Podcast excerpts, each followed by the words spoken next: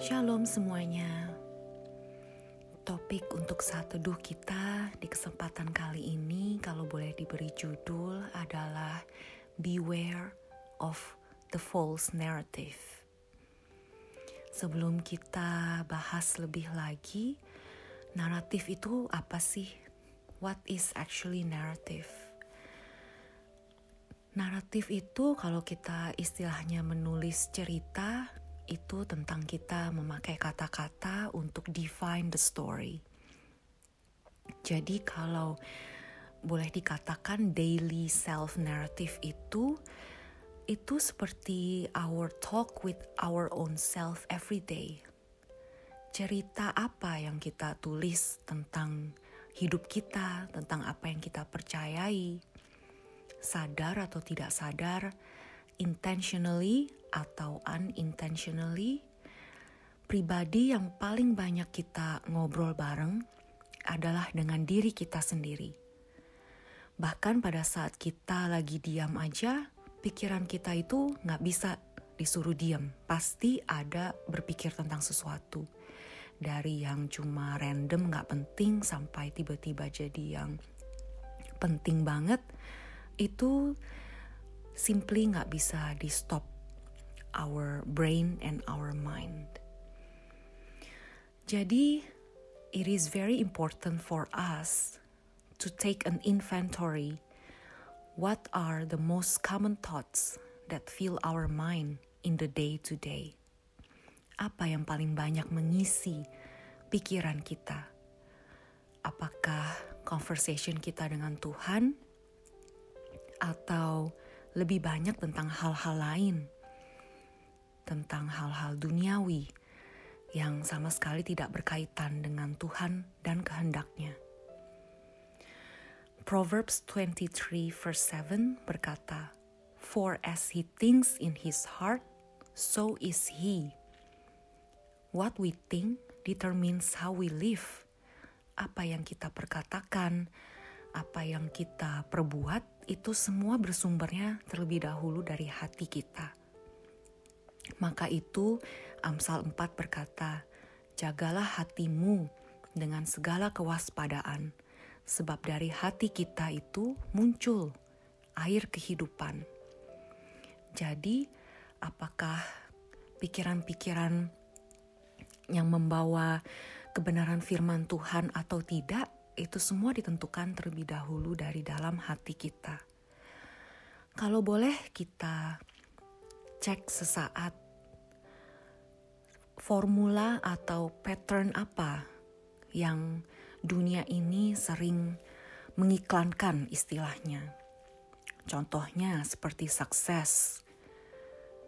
Dunia ini tak bahwa kita itu sukses pada saat kita tuh apa yang kita mau kita bisa dapat.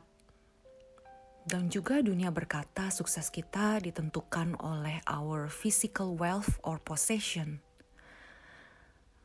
Contoh lain lagi, apa yang dunia katakan tentang love and companionship? Zaman seperti sekarang ini, love dan komitmen itu sangat langka di mana tingkat perceraian selama lockdown pun naik 30% di Australia. Satu uh, hal yang lain adalah mungkin tentang security. Apa yang dunia bilang prescribed about security? Pada saat apa kamu merasa secure? Apakah pada saat jumlah tabungan di bank kita banyak digitsnya baru kita merasa secure. Another thing maybe it's about acceptance. Apakah kita baru merasa kita itu di accept pada saat kita mendapatkan approval dari teman-teman kita, kita mendapatkan public recognition, apakah dari hal-hal simple seperti pada saat kita mendapatkan banyak like atau share atau komen hal-hal yang bagus di post-post kita di sosial media. Hal-hal seperti ini yang mungkin terlihat simple, tapi itulah sesungguhnya apa yang kita percayai. Apa yang kita pikirkan, itu yang kita percayai. Mungkin di mulut kita kita berkata, pengharapan kita di dalam Tuhan. Tapi kalau di dalam pikiran kita, kita merasa bahwa ya pengharapannya dalam Tuhan, tapi kalau kita punya titik-titik ada tambah-tambahannya. So, Christ alone is not enough. Maka itu sangat penting untuk kita boleh memberikan diri kita ditransform by the Holy Spirit in us supaya naratif-naratif yang salah yang tidak sesuai dengan kebenaran firman Tuhan itu bisa diubahkan. Paulus sendiri di Romans 12 verse 2 berkata, And do not be conformed to this world, but be transformed by the renewing of your mind, that you may prove what is that good and acceptable and perfect will of God. Pikiran dan hati kita ini perlu ditransform day by day. This is not an instant process. Bukan hanya masukin di microwave, pencet berapa menit, terus kita hati kita bisa langsung berubah. No, unfortunately there is no shortcut. Ini hanya bisa didapat dengan daily communion bersama dengan Tuhan dengan kita semakin dekat dengan Tuhan dan belajar tentang kebenaran firman Tuhan di Alkitab, kita bisa mengerti satu persatu dibukakan. Oh, ternyata ini tuh sebenarnya salah. Ini tuh sebenarnya nggak boleh. Ini tuh sebenarnya beda banget sama yang firman Tuhan katakan. Contohnya, waktu tadi aku bahas salah satunya tentang love, mungkin dunia berkata, "You are good enough, you are good enough to be loved." Dan tapi satu sisi juga kamu harus show that you're really worth it to be loved dengan cara mungkin dengan berprestasi kamu, dengan pencapaian kamu, baru kamu merasa kamu tuh layak dikasihi. Tapi firman Tuhan berkata, pada saat kamu masih berdosa sekalipun, Tuhan sudah berkorban untuk kita. Firman Tuhan tidak ada satupun yang berkata bahwa we have to prove something that we deserve to be loved.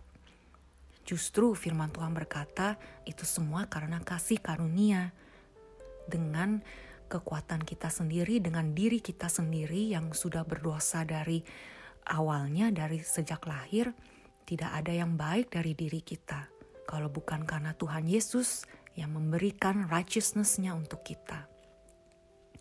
Maka itu sekali lagi pentingnya untuk pikiran kita terus ditransform dan pegang firman uh, janji di firman Tuhan di Yehezkiel 36 bahwa dia sudah memberikan hati yang baru. We just need to be sanctified and transformed day by day supaya kita bisa develop new patterns yang sesuai dengan kebenaran firman Tuhan. Dan ini semua membutuhkan praktis, tidak instan, tapi bersama-sama dengan teman-teman saudara seiman dan dengan Roh Kudus yang terus membimbing kita di jalan yang benar, pasti kita akan diubahkan hari demi hari from glory to glory. Mari kita tutup saat teduh saat ini dengan doa. Lord, Thank you so much for the truth that you have revealed to us. Thank you Tuhan bahwa Engkau Allah yang sanggup menguji hati kami. Engkau Allah yang menyelidiki hati kami ya Tuhan.